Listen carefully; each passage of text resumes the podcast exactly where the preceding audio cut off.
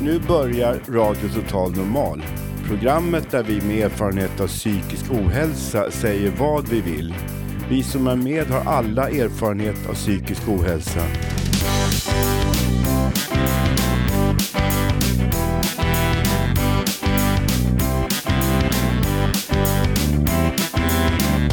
Du lyssnar på radio Total Normal. 101,1. Totalt normalt. Radio Total Normal, torsdagar från två till halv fyra. Vi livesänder med publik från Götgatan 38 i Stockholm. Kom hit och lyssna. Här är alla röster lika värda.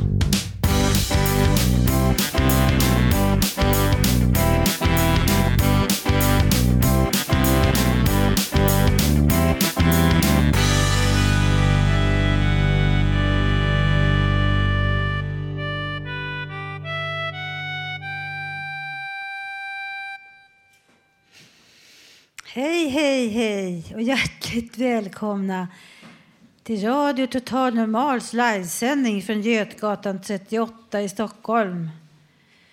Idag är det torsdag den 30 augusti och det är snart slut på sommarmånaden. Det börjar bli lite kyligt väder ute. Albert och Albertina har namnsdag. Vi sänder på 101,1 MHz här i närradion och på webben förstås på www.radiototalnormal.se. Vi har en härlig publik här, hög stämning.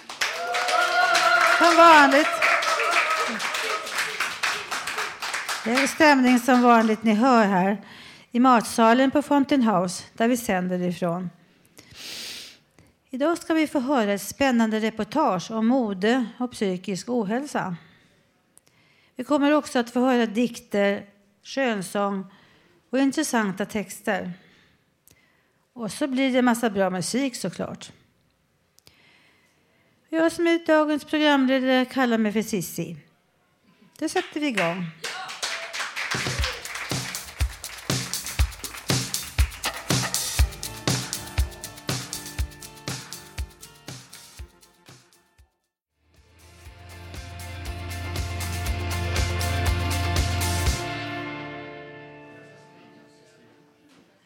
Hej igen. Vi hörde det svenska bandet Kent som spelade här.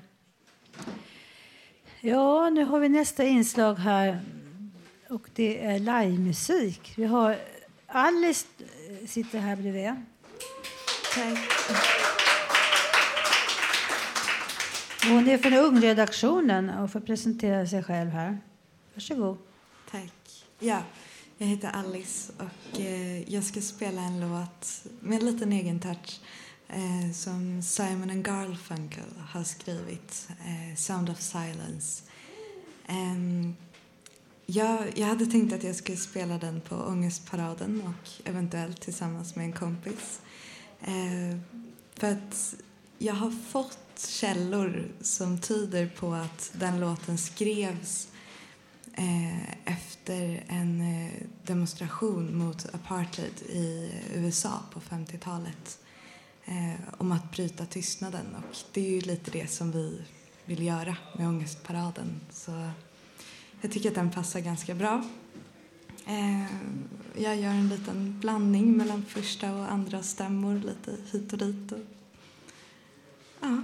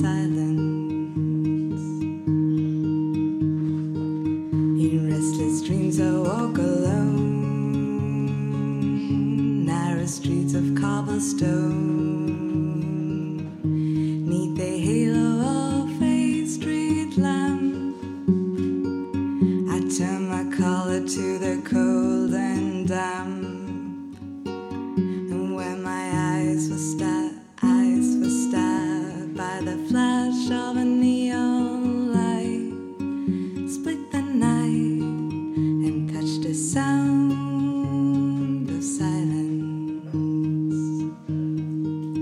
And in the naked light, I saw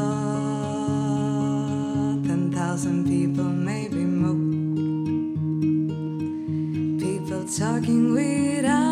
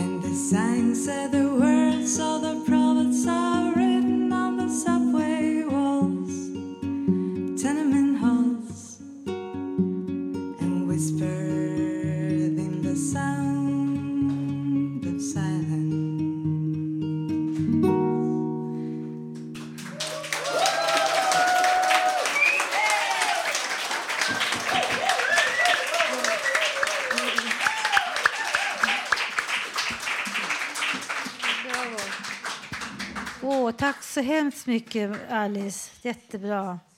Det var jättebra. Ja, nu ska ni få höra ett samtal mellan Mr X och Susanna som handlar om psykisk ohälsa och mode.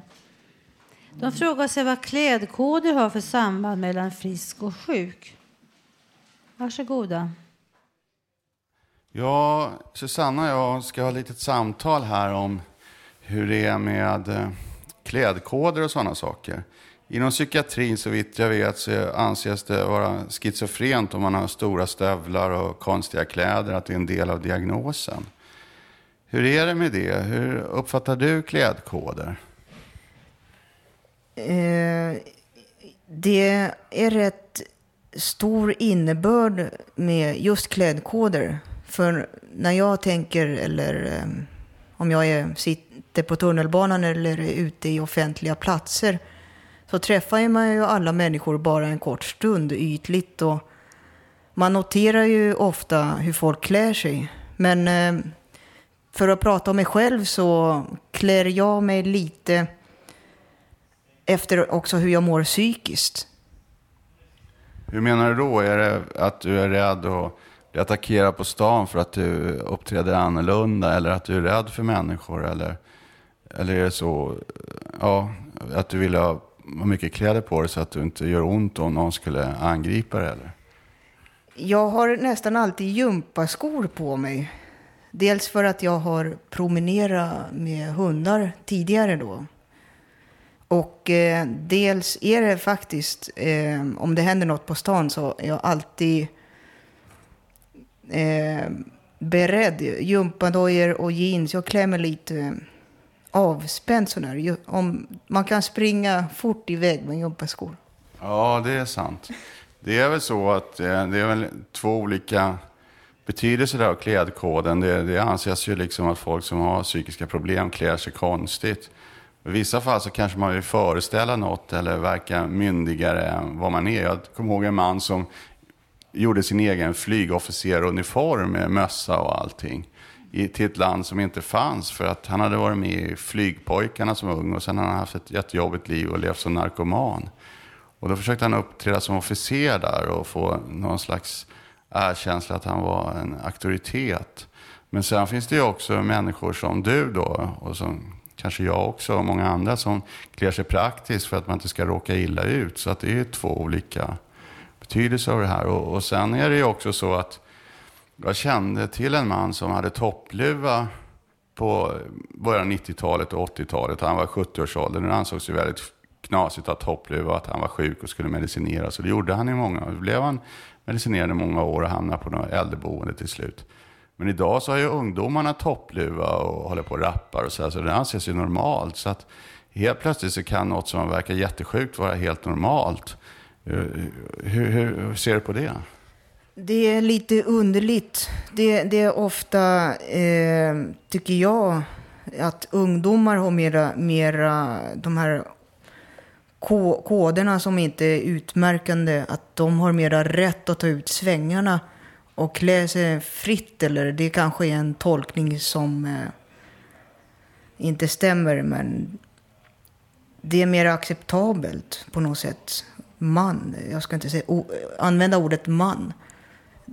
Jag tänkte det... Varför ska man inte få klä sig hur man vill? Det, det är väl också hur, man, eh, hur en person eh, agerar och beter sig. Det är det som räknas. Man ska inte döma folk på oket efter omslaget.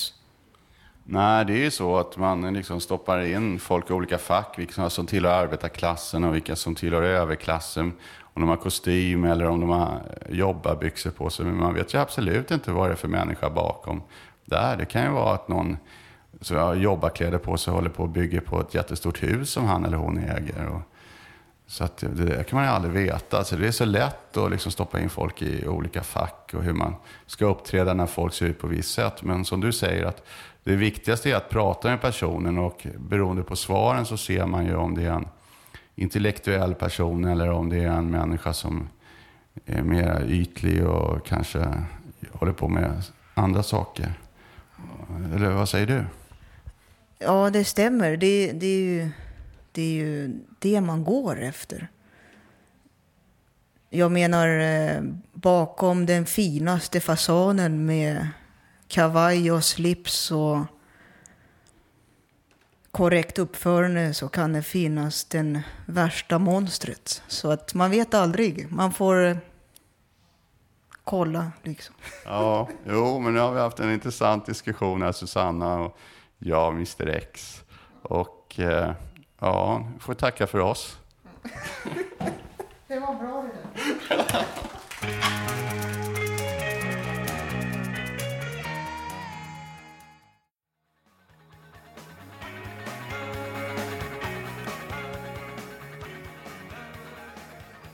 Ja, jag är tillbaka nu.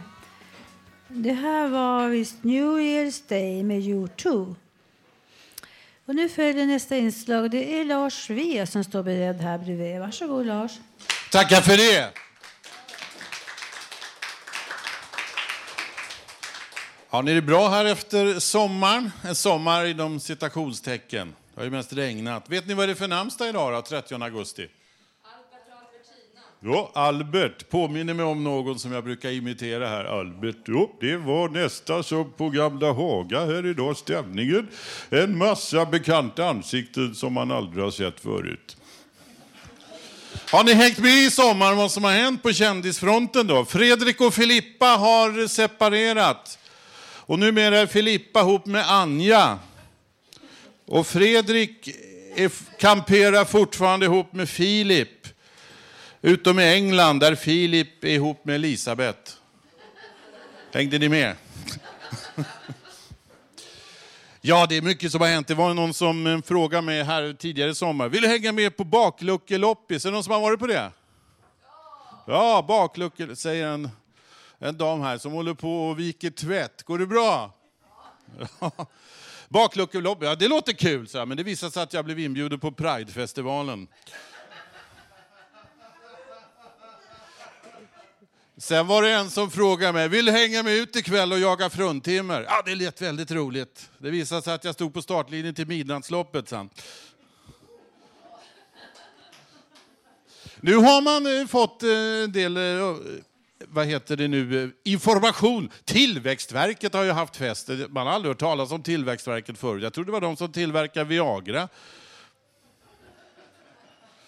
Har ni eh, varit med på Allsången då på eh, Skansen i sommar med den här Selmer Lagerlöf, eller vad heter han, som är programledare? Jag såg ett roligt tv-program, Hundskolan på tv. Det var någon som eh, skulle få pli på en hund. Det visade sig att den här hunden hade dåvarande, han jagade folk på cykel.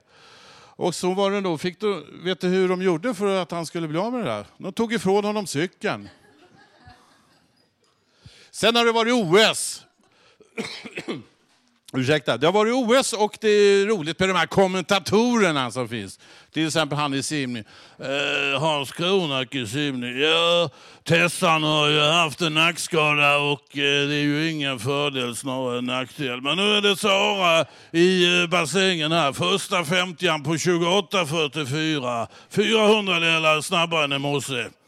Tänk om man då bytte och eh, fick eh, sådana här som inte är vana att referera det de är kända för. Till exempel, tänk om Torbjörn Fälldin skulle referera 100 metersfinalen. Ja, nu är det dags.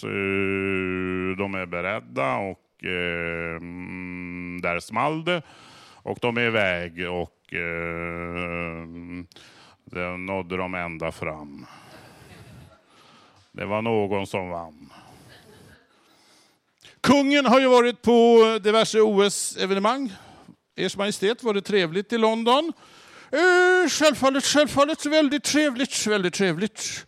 Eh, jag har varit på brottning eh, tillsammans med min drottning. Eh, och sen, det vart ju medaljer också, bara ett guld, massa silver. Ja, det är trevligt, trevligt, trevligt med silvermedaljer. Man är ju själv med på en sån där liten silverpeng, avbildad. Ja, Eh, jag frågade en medaljör om eh, eh, efter hans medalj, några timmar senare. Har du hunnit smälta medaljen nu? Det tog ett tag innan den smälte. Okej, jag eh, ger ett löfte eller ett hot om att återkomma här under sändningen. Då ska det bli lite mm, surströmming, Leif GW Persson och så har Björn Ranelid varit i farten igen. Tack för nu.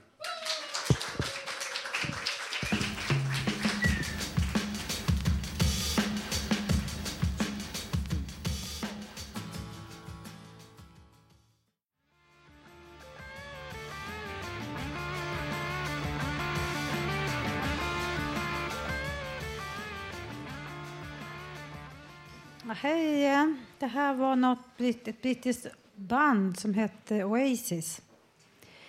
Jaha, nu var turen kommen till mig själv här. Programledarsnack här. Jag ska få läsa en dikt av Kristina Lugn. Den heter Spotta i nävarna. Låter så här. Du måste försöka leva dig in i min situation.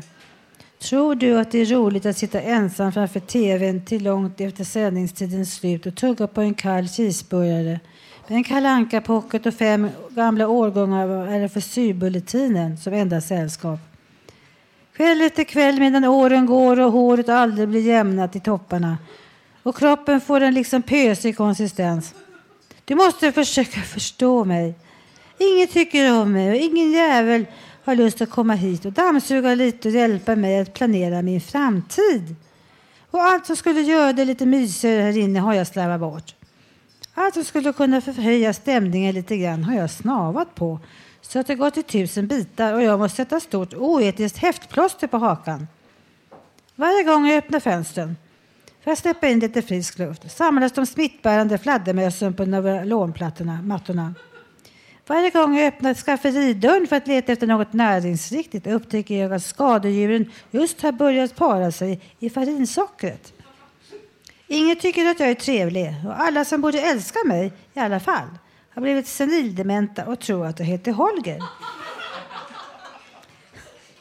Alla som så ivrigt trutade med sina munnar när jag tog mina första steg på min faders lilla kolonilott har glömt hur söt jag var.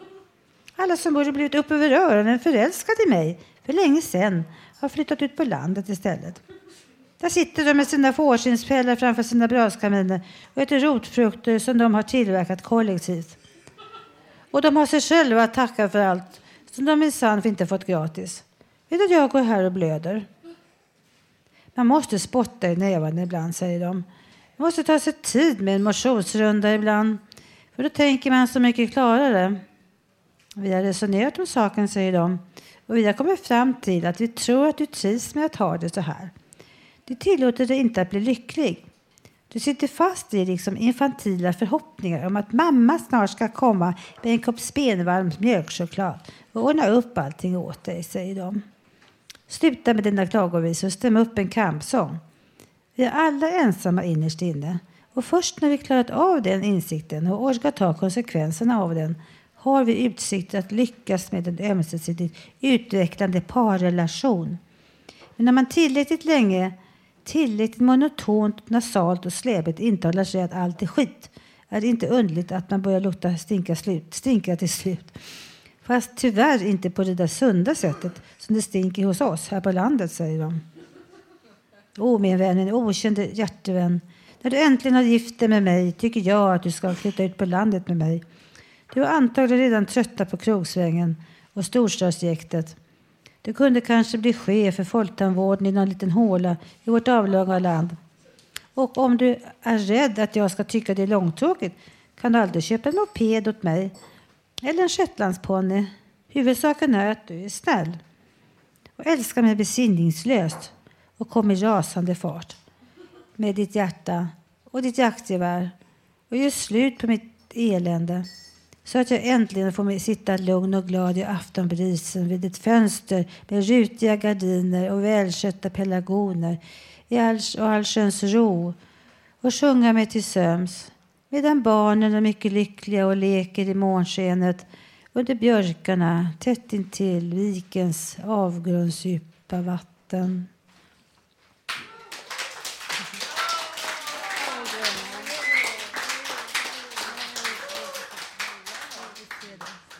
Ja, nu var det Erik som skulle komma. Erik, Erik står bredvid här. Ja, Ja. okej, ska jag köra nu eller? Okej, ja, jag ska ju presentera en, en låt som jag suttit hemma med lite grann som också ska gå på Ångestparaden. Men den är inte helt så här klar. Den är nästan klar. Jag behöver fixa lite grann. Så vi får se om det låter bra, hoppas det. Det är i dansgenren, elektronisk.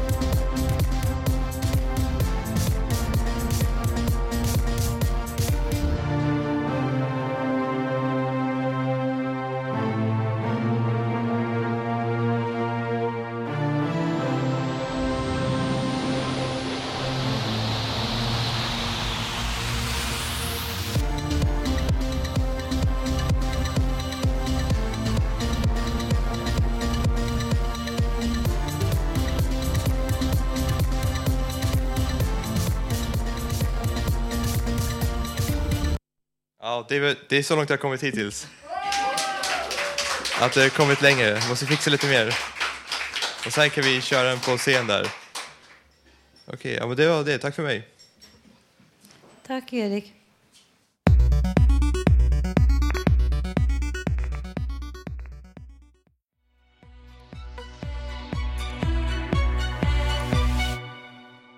Men hallå. Det här var svenska Robin. Och nu ska vi få höra ett sommarminne av Gabriel.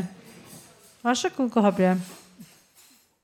Jag eh, tar och drar på mig dojorna och skyndar iväg ner till tricken.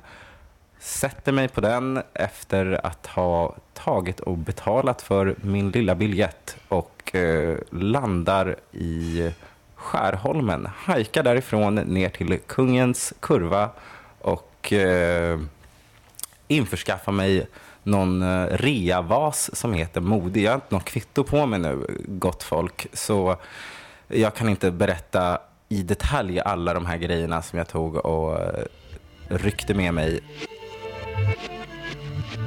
Och eh, jag eh, kommer hem till lilla förorten och eh, glider in hos den lokala handlaren och eh, får med mig massa franska praliner. Hur de hamnade i en butik i eh, Skarpnäck har jag inte en aning om, men så var det. Och jo, de här pralinerna skulle ligga i en skål. Men hur som helst, jag eh, tar och eh, tågar hem med min eh, godispåse och väl i rummet så häller jag pralinerna i skålen. Och eh, jag skyndar iväg till Flatenbadet med godispåsen och en plastsked. Och väl framme vid badet så ligger det typ kanske lite folk och exakt lite folk. Helt enkelt, det var nästan tomt. Och de typ så här eh, hade ungar och hela kittet. Så jag måste ju sett typ ut som världens jävla äckel när jag dök upp där typ så här påpälsad med en godispåse liksom och någon jävla sked i handen. Men eh, eh, fyller min godispåse med eh, sand och sen så tågade jag hem. Tog och eh, hällde över sanden i vasen. Hade faktiskt också, eh, vill inte låta sådär helt... Eh, jo, jag hade tagit och köpt värmeljus, eller så här blockljus. Sak samma, det är bara skillnad på storlek. Jag kan vara avgörande i vissa lägen, men hur som helst. Blockljuset tog jag och la på sanden som hade hamnat i vasen. Dada! Och där har man någonting som eh, faktiskt min kära fostermoder eh, Marita Jonsson, numera Andersson, också har på sin balkong. En, eh, va? Alltså jag måste nästan ringa henne och fråga om man ska ta och typ så här, eh, så här va? Tanten, vad är det för någonting vi ska ta och kalla den här skapelsen nu när jag har gått ut i eten med detta eller något? Så ja, helt enkelt. Nu har jag inte tid för det här utan jag måste ringa min lilla mamma. Men eh, ja, det är en av mina dagar under sommaren.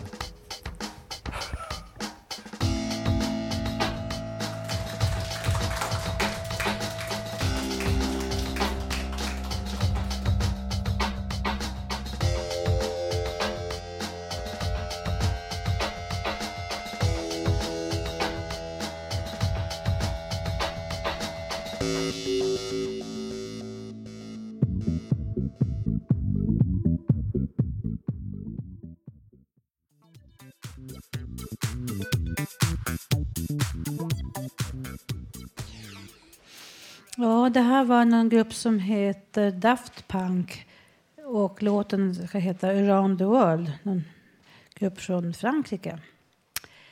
Ja, och så nu har vi nästa inslag. Det är Hasse som sitter här med sin gitarr. Varsågod Hasse. Ja, jag heter Hasse Kvinto och eh, en god vän till mig som heter Elena Helsinghof. Hon bor i Borlänge och har skrivit en diktsamling som heter Själens toner. Och ur den har hon skrivit en dikt som heter En sång som jag har tonsatt. Och den låter så här.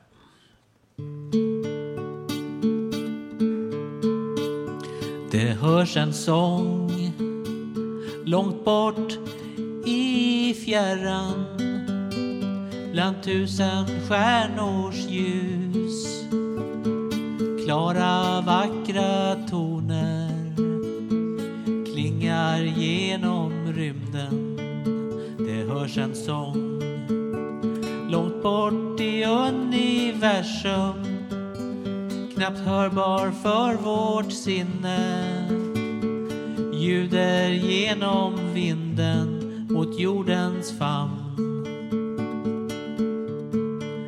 Det hörs en sång om fred och frihet, om kärlek, hopp och tro.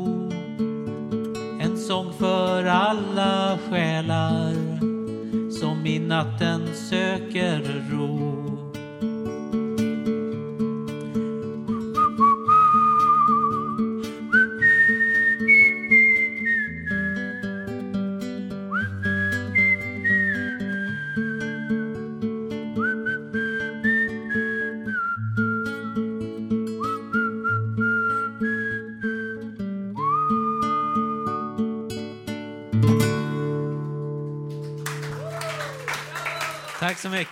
Tack så mycket. Jättebra. Tack så mycket, Hasse. Ja, nu ska vi få höra andra delen av Alex intervju med Emanuel Brändemo. Han har Asperger och ADHD och har gett ut den, där bok, den här boken som heter Trollhare. Varsågoda. Um, ja, Trollhare ur en bokstavsvuxen transpersons ordgarderob. Eh, det är en självbiografisk roman och den handlar om min uppväxt. Väldigt mycket utifrån att, jag, jag menar jag fick ju diagnoserna i vuxen ålder. Jag har ju också dessutom diagnosen transsexualism, jag har gjort en könskorrigering. Och där var det liksom ungefär samma sak, att jag, jag var medveten om hur jag funkade och vad jag kände, men jag kunde inte sätta ord på det, jag kunde inte förklara det för någon annan. Och så var det hela uppväxten igenom. Så det var väldigt mycket sökande efter orden. Och boken är till exempel väldigt mycket uppbyggd efter regler. Jag samlade ju på sociala regler eftersom de här oskrivna sociala reglerna försökte jag liksom att skriva ner i huvudet.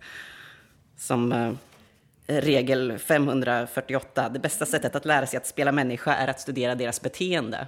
Att spela människa betyder alltså att lära sig hur man ska bete sig så här, i sociala situationer.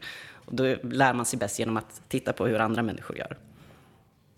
En annan sån eh, intressant regel som jag kom på när, när jag precis hade fått min diagnos, det är att omgivningens tolerans för avvikande beteenden är avsevärt högre för miffons än för normon. Alltså, ifall människor uppfattar den som väldigt, väldigt avvikande så är de helt plötsligt mer okej okay med att man beter sig märkligt. Så därför så händer det att jag kanske, ifall jag märker att människor tittar konstigt på mig för att jag ser konstig ut i ansiktet eller någonting, så kan det hända att jag släpper fram lite tics, bara för att då kopplar de på något sätt och så, så är det inget mer med det. Att när de väl har fattat att jag är lite konstig så, så slutar de titta.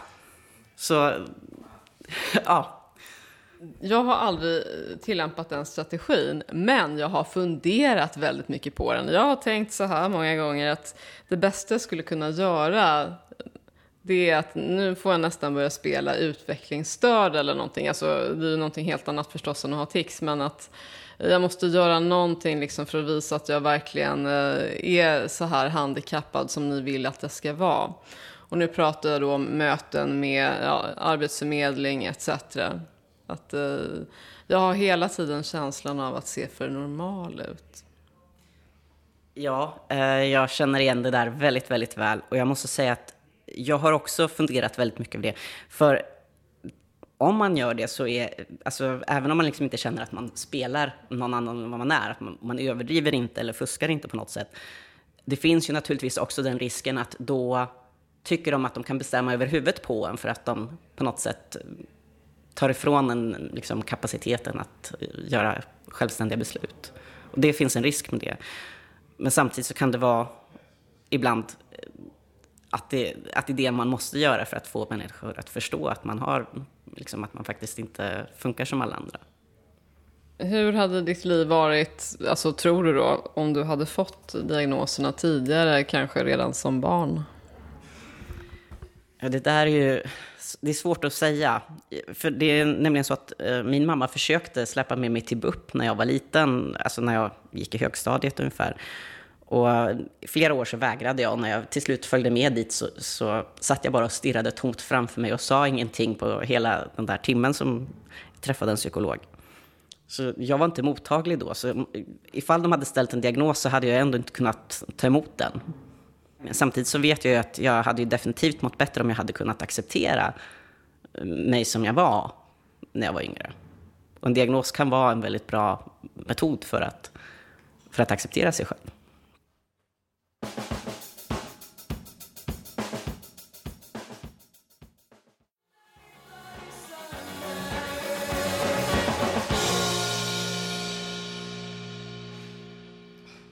Jaha, det här var också U2 som spelade.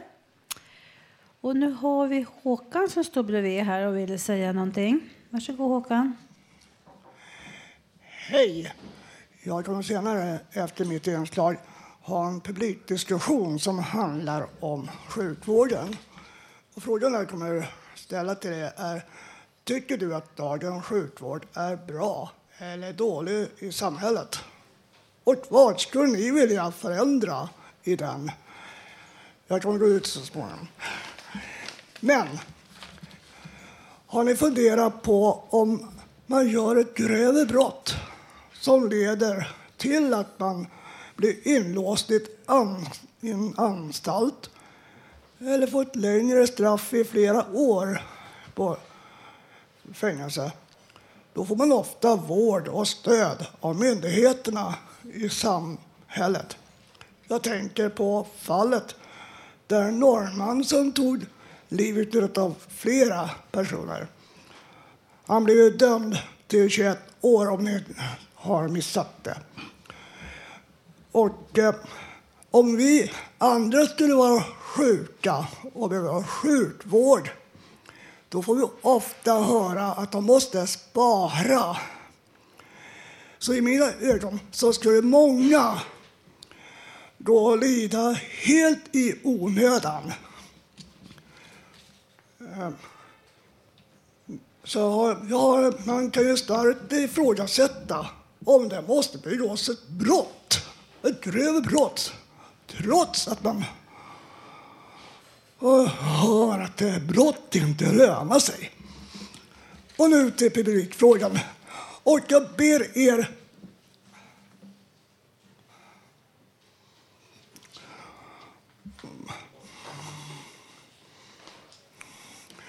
Och jag vädjar till er som vill svara på mina frågor att ni gör det så kort som möjligt och räck gärna upp en hand, så jag är tacksam.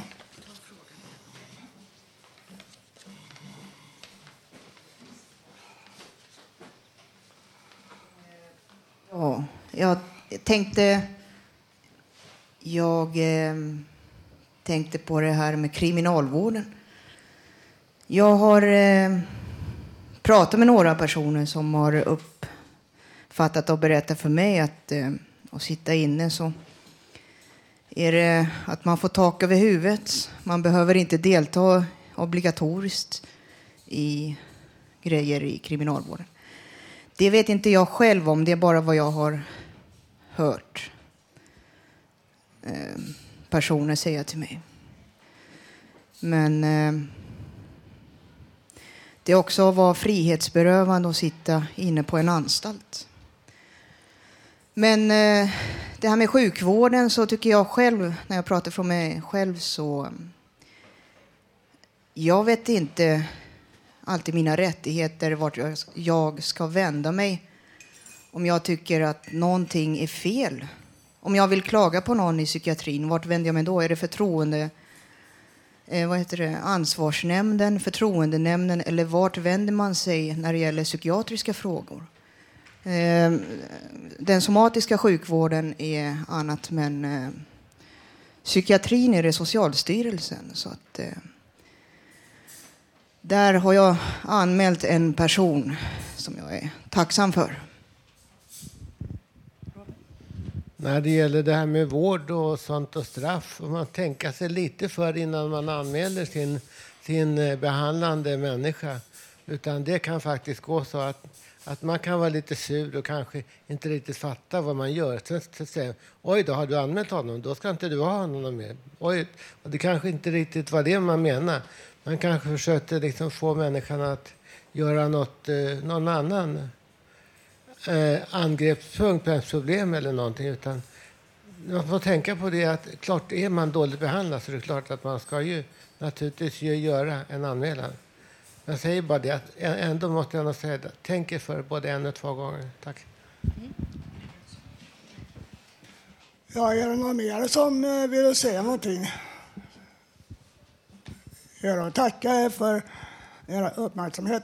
Och jag kan ju påpeka att före sommaruppehållet, till er lyssnare, så pratar jag om psykisk ohälsa.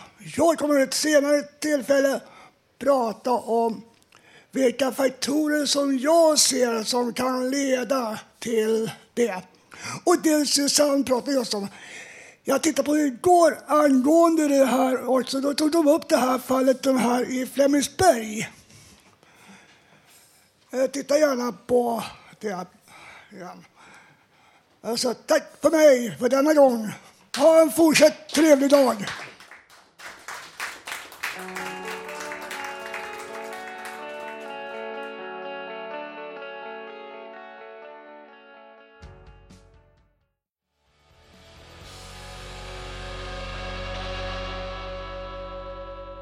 Tack så mycket. Det här var Kent med en låt som heter Om du var här. Och nu ska vi lämna ordet till vår kära chef Björn Asplund och få lite information. Eller hur? Tack, tack, tack, tack. Ehm, jag har fått en liten, liten minut för att säga någonting viktigt. Och då vill jag uppmana Radio Total Normals mångtusenhövdade lyssnarskara att göra en liten bock i kalendern den 11 september. För då går Ångestparaden, den största manifestationen för psykisk hälsa, från Medborgarplatsen till Kungsträdgården. Och eh, nytt för i år det är att vi har ett gediget program nere i Kungsträdgården redan ifrån klockan 12.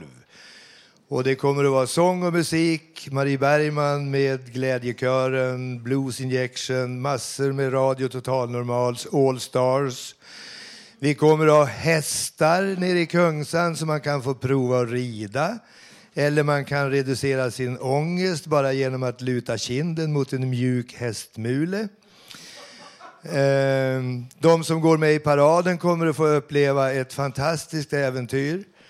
Och när vi kommer fram klockan cirka eh, 17.30 då drar vi igång med rock'n'roll, Fråga doktorn, massor med musik, massor med kloka ord. Olof Buckard, Åsa Moberg, Annika Jankell, you name it. 11 september, the big anxiety day. Tack för mig.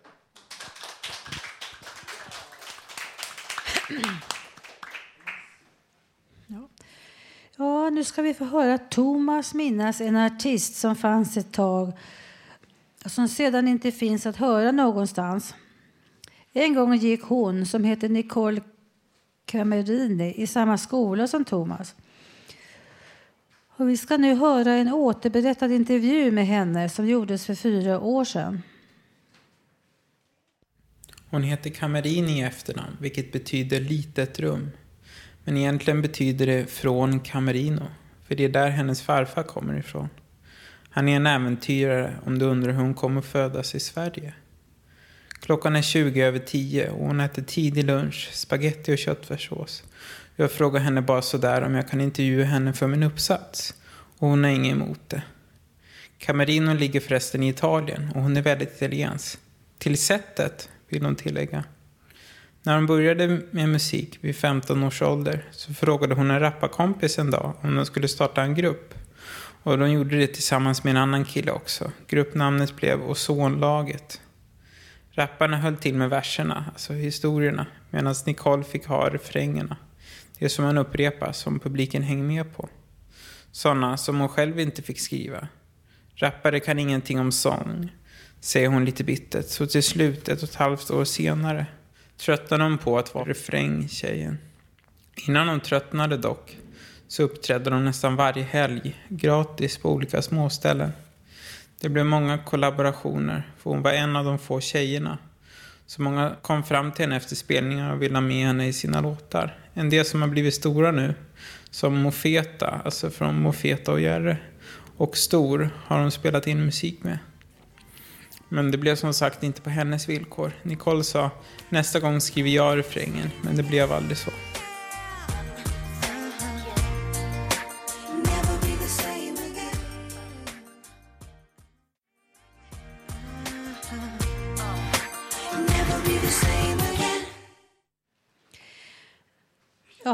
Eh, det här sista vi hörde var Lisas Left Eye Lopez som gästrappade med Melanie C's Never Be The Same Again. Och nu får vi presentera Robert som står här en text. Varsågod Robert. Ja, hej, det här är en sångtext som jag har kallat Om du dunkat ditt huvud rött däremot nykterhet slår sin större. Det gäller väl inte mig specifikt, men det är andra som kan eh, tänka lite grann. Är du rädd för dig själv, du lilla darrande man? Är du rädd att du inte ska orka, du lilla rädda krake? Är du rädd att du inte ska orka? När du står där, där du bor eller där du inte bor, vad kan du då göra åt vad? När, när du är där du står, vad kan du då göra åt vad? Varför är du rädd för dig själv, du lilla darrande krake? Ryck upp dig om du orkar. Jag gör ett försök till. Jag rycker upp dig om du orkar. Gör ett försök till så att du vet. Jag sa att du ändå kan säga, jag har ju faktiskt försökt. Ja, då kanske du ändå vågar säga, jag har ju faktiskt försökt ändå. Men om det inte går, vad gör du då? Ja, om det inte går, ja, vad gör du då? Om du försökt, försökt och försökt. Du har dunkat ditt huvud buckligt och trött mot nykterhetslogens dörr. Du har försökt, du har försökt. Ja, du har försökt. Vad gör du då? Ja, till sist, vad gör du då? då? För inte är väl flaskan ett alternativ? När är den det? Inte kan väl du säga att slarran är ett alternativ? Du darrande lilla rädda krake. Nej, inte väl öl, brännvin, bärs, brist på stålar, parkbänk något att stå efter. Nej, inte man väl stark om det är bärs, dek och parkbänk som gäller. När jag gick upp dig, du lilla rädda darrande man. För inte väl bänken eller bänken något alternativ. Nej, inte väl bänk eller bänken något alternativ. Eller är du helt slut? Jag är färdig, är du? Till sist ger det sig självt. Att till sist går det som det måste. Och du fryser ihjäl, du lilla rädda man. Där på bänken vid Monteliestigen där du råkat somna efter ditt livs sista fylla. Om du, om du så försökt att rycka upp dig en sista gång för att det ändå kanske går, ja det kanske ändå går ändå. Då kanske du stolt kan säga till dina vänner, nu är det inte bänken mer som gäller. Men då kan du kanske stolt säga till dina vänner, nu är det inte vägen ut för mer som gäller. Jag är inte på väg ut för mer. Nu kan jag stolt mitt i livet. Jag är nykter, klok och stolt mitt i livet. Men nu går det inte ut för med mig mer. Nu går det upp för faktiskt. Är du rädd för dig själv, du lilla darrande man? Är du rädd att du inte ska orka, du lilla rädda krake? Är du rädd för att du inte ska orka? När du står där, där du bor, vad kan du då göra åt vad? När du är där du står, vad kan du då göra åt vad? Varför är du rädd för dig själv, det lilla darrande, rädda krake? Nej, inte, inte, inte vill väl du att det ska gå ut för. Du vill att det ska gå upp för. Ut, upp för. för du vill väl göra ändå ett sista försök, det lilla darrande, rädda krake. Ryck upp dig om du orkar. Jag gör ett försök till.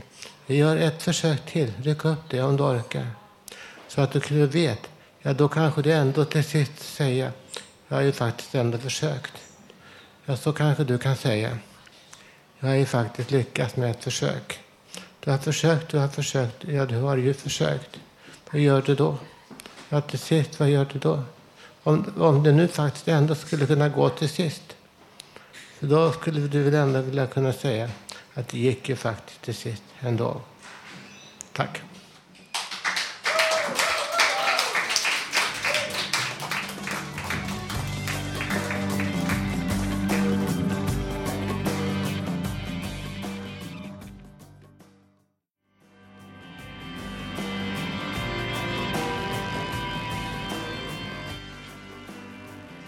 Ja, nu var det slut på musiken. Varsågod Lars, du här igen. Ja, tack för det. Lite välkomstapplåd så man känner. Vi befinner oss på den så kallade köksavdelningen här på Götgatsbacken 38 och eh, jag har ju alltid önskat, egentligen inte, men att vi skulle få surströmming till lunch någon gång. Det har ju varit surströmmingspremiär. Det var så illa surströmming här. Jo.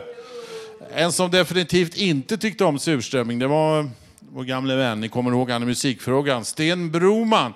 Just precis, surströmming det är det vidrigaste som finns. Det är precis som att sitta på dass och äta ansjovis. Just idag är det bemärkelsedag, 30 augusti, för exakt idag för 200 år sedan. Just idag den 30 augusti så fick Ludwig van Beethovens halvbror Mässlingen Ja, själv så föredrar jag ska äta fläskkotletter idag. Ekologiska fläskkotletter, har ni ätit det? Jo, det, det äter man av grisar som är slaktade på det viset de är vana vid att bli slaktade på. Tänk på den du. Så har det varit Säpofest också, ganska dyr historia. Och då eh, vet ni vem det är som är på besök här. Ska byta glasögon. GV Persson. Ja, GW Persson, vad säger du om eh, Säpofesten? Det vart ju dyrt. Ja, eh, det är ju knepigt det där med Säpofester och så. James Bond-tema och allting. Ja, jag fattar inte varför de har James Bond-tema. De där tomtarna, alltså, det skulle varit Åsa-Nyss istället.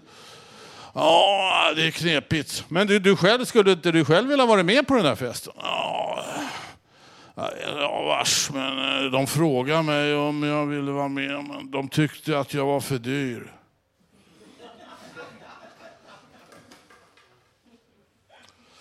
Ja, så eh, jag ska avsluta med vår gamla vän Björn Ranelid har varit blåsväder i sommar. Och krocka med bilen och allting. Han har en Jaguar, vet du. det står ju Ranelid och allting. Då skulle han laga sin bil som blev lite tillknycklad. Men då kommer han in på eh, Macken. Har ju gått i sommar, den gamla härliga serien Macken. Roger, nu står det någon tillbucklad Jaguar här ute. Kan du begripa vad det är för jävla idiot som har ställt den där? mitt namn är Björn Ranelid.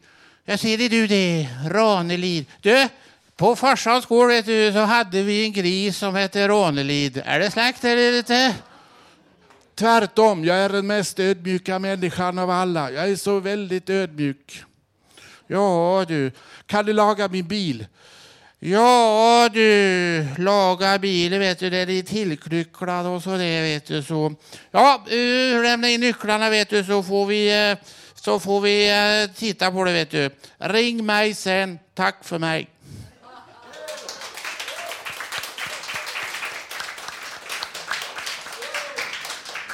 Tack så mycket, Lars. Tack så hemskt mycket, Lars. Och nu står vår diktare här. Ulf. Ulf, varsågod Ulf.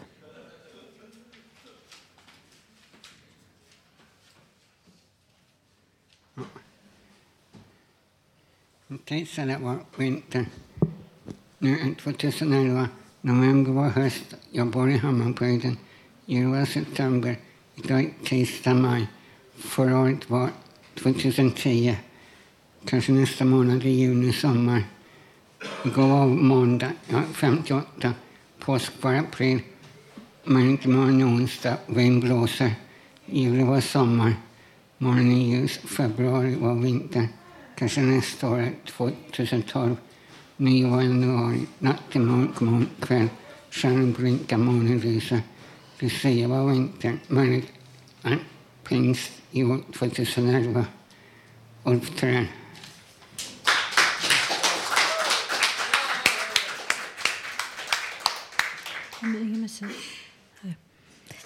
Ja, innan vi rundar av här, den här sändningen så måste vi berätta här att vi är faktiskt nominerade igen till Stora radiopriset för bästa närradio.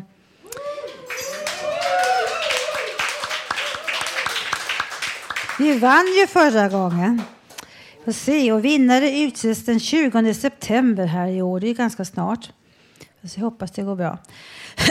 och nu har vi kommit till slutet tyvärr av sändningen. I dagens program har vi fått höra mycket livemusik, poesi, en massa personliga och intressanta texter. Nästa torsdag kan du höra oss igen då vi sänder som vanligt med publik från, här från Fountain House på Götgatan 38 i Stockholm. Fram till dess kan du lyssna av oss på webben, www.radiototalnormal.se.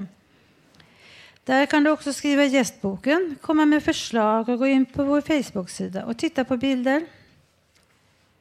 Tekniker idag var Gustav Sondén. Producenten Marlinda Vrede. Producent för Ungredaktionen är Emma Lundenmark. Projektledare Bodil Lundmark. De som valt musiken idag heter, det var Susanna, eller hur? Ja, ja. Och jag som var dagens programledare kallar mig för Sissi. Ja! Hon är lite låtar. Hon är lite låt. Tack så mycket. Tack för idag. Tack för idag. Tack för idag.